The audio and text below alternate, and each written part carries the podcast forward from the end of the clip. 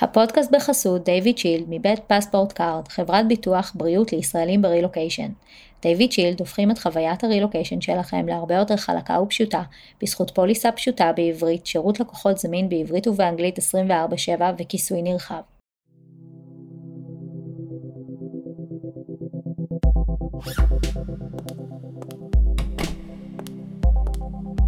מסע הרילוקיישן יכול להיות עמוס באתגרים, אין ספור חוויות והתמודדויות. אני אביה טרכטינגוט, מאמנת נשים ואימהות לרילוקיישן ומערכות יחסים. אימא לארבע עולמות, נשואה לאבי וגרה בדאלאס טקסס שבארצות הברית. פה אשתף במסע הרילוקיישן האישי שלי, כדי לעזור לך להרגיש בבית גם ברילוקיישן.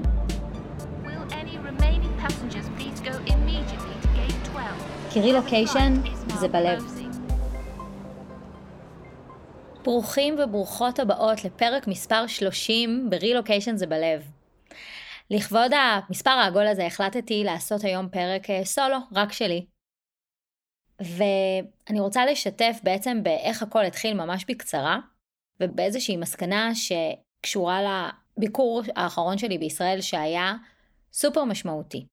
בחודש אפריל, כמעט לפני שנה. זה, אני לא יכולה להגיד שזה היה out of nowhere, בגלל שהרעיון בעצם לעשות אה, פודקאסט התבשל לי בראש לדעתי איזה שנתיים. אבל תמיד הרגשתי שזה כזה לאנשים שווים. אז אה, מישהי שאני אה, מאוד אה, מעריכה, פתאום יצא עם פודקאסט, ואז פתאום כזה נפל לי שם האסימון, ואמרתי, רגע, רגע, לא הבנתי, למה אני לא, למה, למה יש לי משהו שאני כל כך רוצה לעשות אותו ואני לא עושה אותו? ובזמנו היה לי איזשהו מנטור עסקי, ובאתי והצעתי לו את הרעיון הזה, כאילו אמרתי לו, מה אתה אומר? והוא אמר, וואלה, נשמע מגניב, בואי תכתבי שניים שלושה פרקים ונתחיל. ואני אמרתי לו, עזוב אותך, מה לכתוב פרקים? כאילו, אני אכתוב לי בנקודות, ואני אפתח מיקרופון ואדבר, יש לי מלא מלא מה להגיד. וזה מה שעשיתי. פתחתי מיקרופון, וסידרתי לי ממש בראשי פרקים קטנים אה, שורות כזה של מה אני הולכת להגיד, והקלטתי פרק ושלחתי לו את זה. ואז הוא אמר לי, תקשיבי, זה, זה מגניב, זאת אומרת, יש לך מלא מה להגיד, אבל זה נורא נורא מפוזר. ואני אמרתי לו, וואלה, אתה צודק, נכון, זה נורא נורא מפוזר, באמת, חשבתי שזה מפוזר. ומאותו רגע אה, בעצם החלטתי שאני כותבת את כל הפרקים מילה במילה, ובאמת זה מה שהיה, חוץ מהפרקים שאני מקליטה עם אה, מישהו או מישהי, אה, כל הפרקים בעצם כתובים מילה במילה ואני כאילו מקריאה, הכל כתוב לי. ואז טסתי לישראל. חזרתי מישראל לפני כמעט שלושה שבועות. זה היה ביקור שחיכיתי לו מדצמבר שעבר, בדצמבר שעבר אה, טסנו לישראל כל המשפחה מלכתחילה בשביל הבת מצווה של הבת שלי. יצא שהיינו בישראל חמישה שבועות ביחד כמשפחה. זה היה ביקור מאוד מאוד מאתגר, זה עדיין היה השלבים הסופיים של הקורונה, עדיין היה צריך תו ירוק בהמון מקומות. באנו לחנוכה, אבל חנוכה הוא שבוע מתוך אותם חמישה שבועות, אז כל המקומות בילוי שמתאימים לילדים בעצם היו סגורים. היה חורף, היה קר, החשיך נורא מוקדם, קיצור, זה היה, זה היה ביקור פחות מוצלח. תכננו אותו פחות טוב, והוא היה גם פחות מוצלח מהסיבות האובייקטיביות, גם כאלה שלא תלויות בנו. ואני מאז אותו ביקור אמרתי, אני חייבת לטוס לישראל לבד, רק אני. אני לא אגיד ביקור פיצוי, אבל כזה, התחשק לי לטוס רק, רק אני לבד, וזה לא, לא, זה לא, לא הסתייע אה, עד עכשיו. ועכשיו אה, טסתי לארץ לשבוע, לבד, רק אני, בלי ילדים, בלי אף אחד, סולו אני. וגם יצא, במקרה או שלא, שהביקור הזה נפל על ריטריט של מישהי שאני מאוד מאוד מעריכה, אירנה פארי, שהיא מאמנת שאני מאוד מאוד אוהבת, וגם על המסיבה של רויטל ויטלזון, שנורא התחשק לי ללכת אליה. והגעתי ויום למחרת כבר נסעתי לריטריט, הריטריט היה באזור חיפה, וזה היה ריטריט שעלה לי אה, בדמים להגיע אליו. אני, שוב, גם לזה אני לא אכנס, זה סיפור ארוך ומורכב, אבל היו המון דברים שגרמו לי להגיד, רגע, אולי אני אוותר על זה? כאילו, אולי זה לא... מה, מה דחוף לי עכשיו מתוך שבוע לשרוף במרכאות יממה שלמה על אה, ריטריט? ואני כל כך, כל כך, כל כך שמחה שהלכתי. ואיך הכל קשור. באחד הסשנים, אחד הסשנים או אחד המפגשים או היחידות, אני לא יודעת, תקראו לזה איך שתרצו, הראשונים של אה, אותו ריטריט, אחת השאלות שנשאלו שם, זה מי רואה אותך, אותי, כל אחת ממי שהשתתפה שם, בעיניים טובות. ואני זוכרת שבשנייה הראשונה עליתי לעצמי. זאת אומרת, אני, אני אמרתי לעצמי, אני רואה את עצמי בעיניים טובות, וזאת התשובה שהייתה לי. אחר כך כשקצת אה, העמקתי במחשבה, זה לקח באמת בדיוק שנייה, אני, ברור לי ש, שיש כל כך הרבה אנשים מסביבי שרואים אותי בעיניים טובות, אבל האינסטינקט שלי אמר לי אני. ובאותו רגע הסתכלתי על זה בתור משהו נורא עצוב. סביר להניח שהרבה שמאזינים לי וגם באותו ריטריט הרבה הסתכלו עליי בעיניים כאלה של מה? אני הייתי מתה לראות את עצמי בעיניים טובות. זאת אומרת, זה משאלת לב, זה חלום שלי לראות את עצמי בעיניים טובות. אני נורא ביקורתית כלפי עצמי, אני קשה עם עצמי, מצד אחד. מצד שני, אני, אני חושבת שהתהליך שאני עברתי פה, מאז שעברנו, היה כל כך כל כך אה, קיצוני על גבול הטראומה. ואני אסביר. כשאנחנו עברנו לפה, וכל מי שהקשיבה לפרקים הראשונים של הפודקאסט אה, כנראה כבר שמעה את זה, אני חוויתי את המעבר לפה כמשהו מאוד מאוד מאוד קשוח, בהקשר הזה שבארץ לא היה לי כמעט שום זמן שהייתי בו לבד. פיזית. אני בן אדם של אנשים, ובארץ אני עברתי מהעבודה לגנים או לבית ספר, זאת אומרת למסגרות, משם בילוי עם חברות ועם הילדים שלהם בפיצה או בגלידה או בפארק, משם לספורט בערב, גם זה עם אנשים שסבבו אותי, ובערב כמובן אבי. ותוך כדי ילדים ושבעת אלפים קבוצות וואטסאפ כל היום.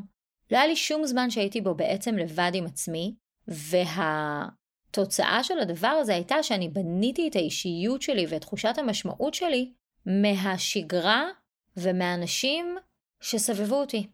ופתאום כשהגענו לפה, כל הדבר הזה פשוט לא היה, פיזית הוא לא היה, אז היה לי את אבי ואת הילדים, אבל לא הייתה לי את העבודה שלי שמאוד אהבתי אותה והרגשתי סופר משמעותית בה, ולא היה לי את החברות שלי שמאוד מאוד מאוד נשענתי עליהן, והבנתי את זה רק כשעברתי בעצם עד כמה הייתי שעונה עליהם, והיום אני יודעת לדבר את זה, אז לא ידעתי לדבר את זה, שבעצם כל המעטפת הזאת נלקחה ממני, ונשאר במקומה איזשהו ריק נורא נורא גדול. ואז כדי לנסות להתמודד עם הריק, ניסיתי לייצר פה קשרים. ואנחנו חיים פה בקהילה מאוד מאוד אמריקאית, יהודית אמריקאית, אבל מאוד אמריקאית, המנטליות פה היא שונה אה, ללא היכר מישראל, זאת אומרת זה לא משהו שאפילו אפשר להשוות, זה פשוט מאוד מאוד אחר. הקרבה או הקשרים פה נבנים בצורה איטית ואחרת, והרבה הרבה הרבה פחות אה, אינטימיים. כלומר, אם בארץ צ'יק צ'אק את מתחברת עם מישהי ותוך חמש דקות אתן כבר מספרות אחת לשנייה דברים אישיים, פה זה לא קורה. פה זה לא עובד ככה. זה קורה, אבל בשלבים מתקדמים מאוד של חברויות. ואני חושבת שאני באיז, באיזשהו מקום הרגלתי את עצמי פשוט להיות לבד, לא לסמוך על אף אחד. לא לבסס את הכיף שלי ואת המשמעות שלי ואת המהות שלי בחיים על הסביבה שלי. עכשיו מצד אחד זה נהדר, מצד שני, יש בזה גם משהו מאוד בודד. ועכשיו, don't get me wrong, זאת אומרת, אל תבינו אותי לא נכון, זה לא שאין לי חברות, יש לי חברות גם פה, גם בארץ, יש לי את המשפחה שלי שאני מאוד אוהבת וקרובה אליהם, אבל אני חושבת שכאן זה הנקודה הבאה בעצם, כל מי שברילוקיישן תבין אותי יותר, יש את המקום הזה, שכל מה שחווית בארץ פשוט לא נמצא שם. וזה ריק נורא גדול. זה גם, זה אפילו ברמת הרעש ששומעים בבוקר כשפותחים עיניים, שלא קיים פה. יש פה דממה. וכשהייתי ב retreat והיא שאלה אותנו, אינה, מה, מי רואה אותנו בעיניים טובות? והאינסטינקט שלי היה לענות, אני את עצמי, ולא בקטע שאני עפה עליו, אלא בקטע של הובלתי את עצמי לשם, ואני פותחת פה סוגריים, כי זה עניין גם של פרספקטיבה, זאת אומרת, אני, אני יכולה לבחור, ואני עושה את זה ב-90% מהזמן, להסתכל על זה כאילו, וואו, סחטיין עלייך, אחותי. את הבאת את עצמך למקום שאת יודעת מי את, את בנית את עצמך באמת מאפס, ואת רואה את עצמך בעיניים טובות, וזה משהו שהרבה אנשים היו חולמים עליו. אבל ב-10% הנותרים, כשבאו לידי ביטוי גם בשאלה הזאת, אני פתאום הרגשתי שגם למשל השותפה ששמו אותי איתה בחדר, שלא ידעתי אגב מי, אני אמרתי בלב, בדיפולט כבר הפכתי את זה ל...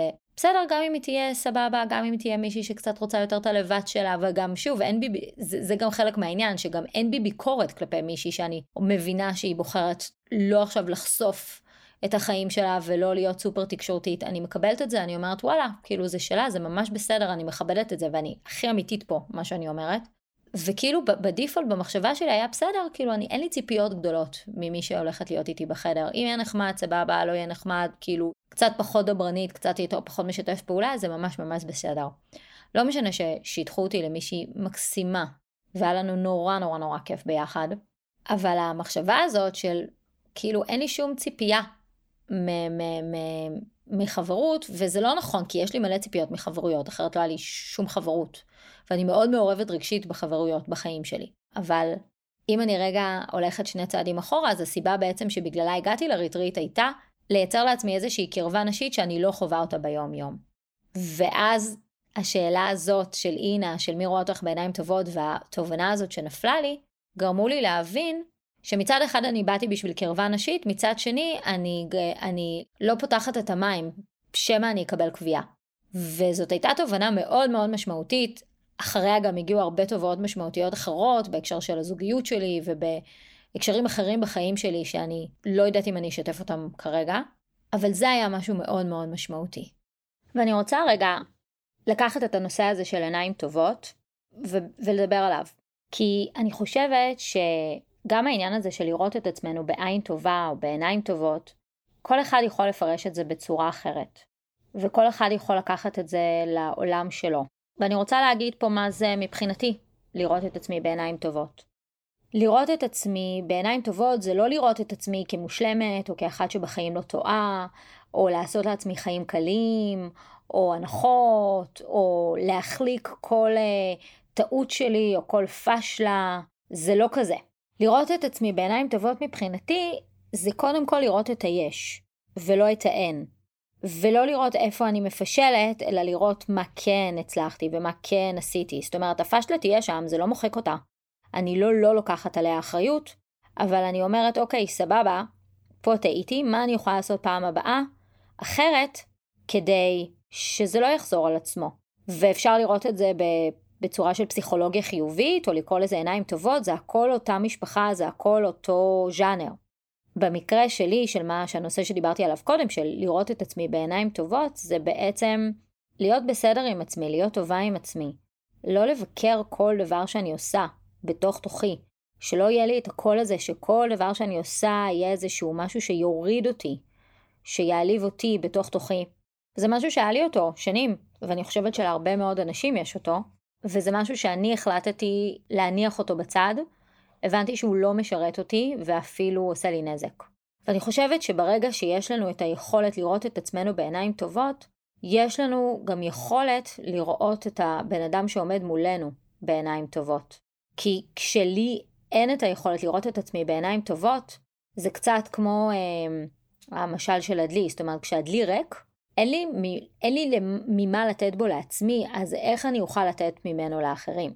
וכשאני יודעת שיש לי את היכולת לראות את עצמי בעיניים טובות, בחמלה, בלראות את הכן, בלשים דגש על הכן, ולא דגש על הלא, ואני לא אומרת, הרבה פעמים בחיים כן צריך לשים דגש על הלא, אבל הפואנטה היא לא לתת ללא להוביל אותי מחשבתית. וכשאני מסוגלת לעשות את זה בתוך תוכי כלפי עצמי, יש לי גם את היכולת לעשות את זה במחשבות שלי כלפי אנשים אחרים. וזה משהו שאני יודעת שהרבה יצקצקו עליו, כאילו, גם אני הייתי שם במקום הציניקני הזה של כאילו, יאללה, מה, עכשיו נכנסת לי עכשיו לאיזה מין אה, רוחניקיות, זה לא כזה, זה ממש לא רוחניקיות.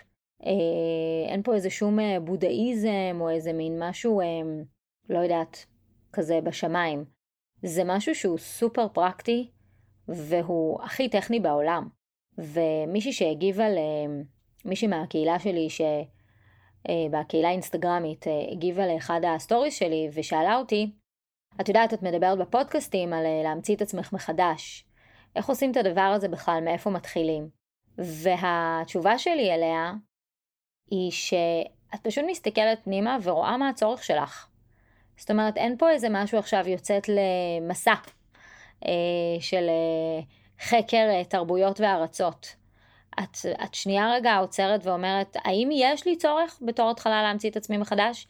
זה מה שלי קרה פה, שאני המצאתי את עצמי במחדש, זה, זה כאילו, זה עדיין מצחיק אותי לנסח את זה ככה, אבל זה מה שזה בעצם. לא, קם, לא קמתי בוקר אחד ואמרתי, אני עכשיו הולכת להמציא את עצמי מחדש. קמתי בוקר אחד והבנתי שלא טוב לי במצב הנוכחי. ואחרי המון גלגולים, ואני עברתי דרך מאוד ארוכה, אני לא חושבת שזה צריך להיות כל כך ארוך. כלומר, אפשר לקחת אימון, אפשר לקחת עזרה, כדי שהדבר הזה לא יהיה כל כך ארוך. אחרי דרך מאוד ארוכה, אני הבנתי בעצם מה נכון לי ומה מתאים לי. וחלק ממה שנכון לי היה להיפרד מהביקורת על כל צעד ושעל, קודם כל ביחס לעצמי ואחר כך ביחס לסביבה. קרה לי הרבה לאחרונה שנתקלתי בסיטואציות חברתיות של נשים שמתוך דאגה לחברה שלהם שעובר עליה משהו, הן אה, מדסקסות. והדיסקוס הוא דיסקוס ביקורתי. זאת אומרת, שוב אני חוזרת למקום הזה של כאילו כולנו בני אדם בסופו של דבר. יש הבדל אבל משמעותי בין לדבר על מישהי בקטע של לרחל עליה ולהעביר עליה ביקורת על ההתנהלות שלה, לבין להגיד, וואו, אני, אני רואה שככה וככה קורה איתה, נראה שמשהו עובר עליה, מה נוכל לעשות כדי לעזור לה? או האם היא זקוקה לעזרה שלנו? ולי זה חורה, זאת אומרת, לי זה, קשה לי עם זה, של לדבר על חברה מאחורי הגב בקטע ביקורתי. אם אני חברה שלה, ויש לי ביקורת כלפיה, אז זה בסדר להשמיע את הביקורת הזאת בצורה נעימה. כלומר, יש דרך להעביר, להגיד דברים, ואם אני בוחרת לדבר עליה מאחורי הגב ולבקר אותה, אולי אני צריכה לשאול את עצמי האם אני באמת חברה שלה, זאת אומרת, מה נותן לי המקום הזה, מה, איזה צורך מקבל מענה כשאני בעצם מדברת עליה מאחורי הגב בביקורת כל כך אה, נוקבת. וכשנתקלתי בזה אצל חברות שלי, סב, כאילו אמר, אמרתי להם, זו הייתה מישהי ספציפי ואמרתי לה על זה. ושוב, אני לא יודעת אם קרה עם זה משהו, אני, אני לא יודעת, אבל זה למשל דוגמה מעולה ללקחת את העיניים הטובות האלה ולהשתמש בהם למערכות יחסים בחיים שלנו.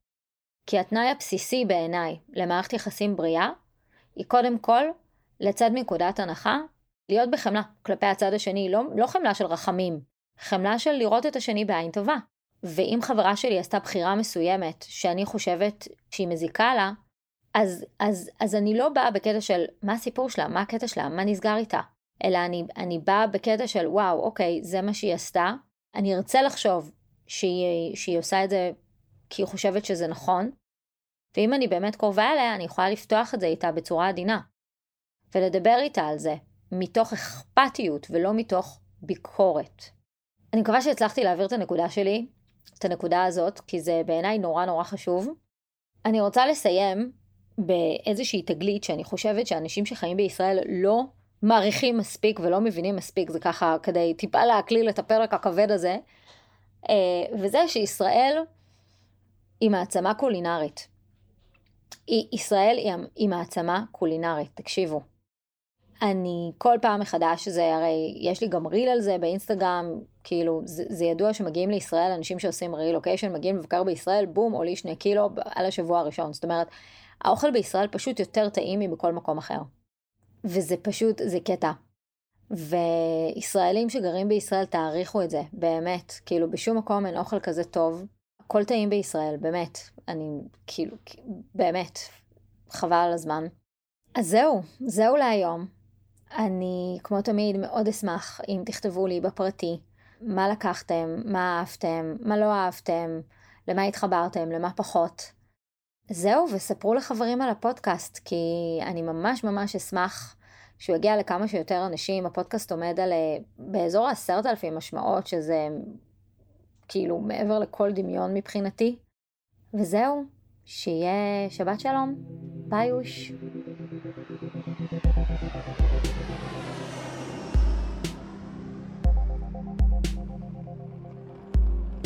אני אבקש שתיקחי לך רגע ותחשבי, מה את לוקחת מהפרק? תרגישי חופשי לשתף אותי בתובנות ובמחשבות, כמו גם לשתף חברות שיכולות להתערם מהפודקאסט. תודה רבה, וניפגש בפרק הבא של רילוקיישן זה בלב.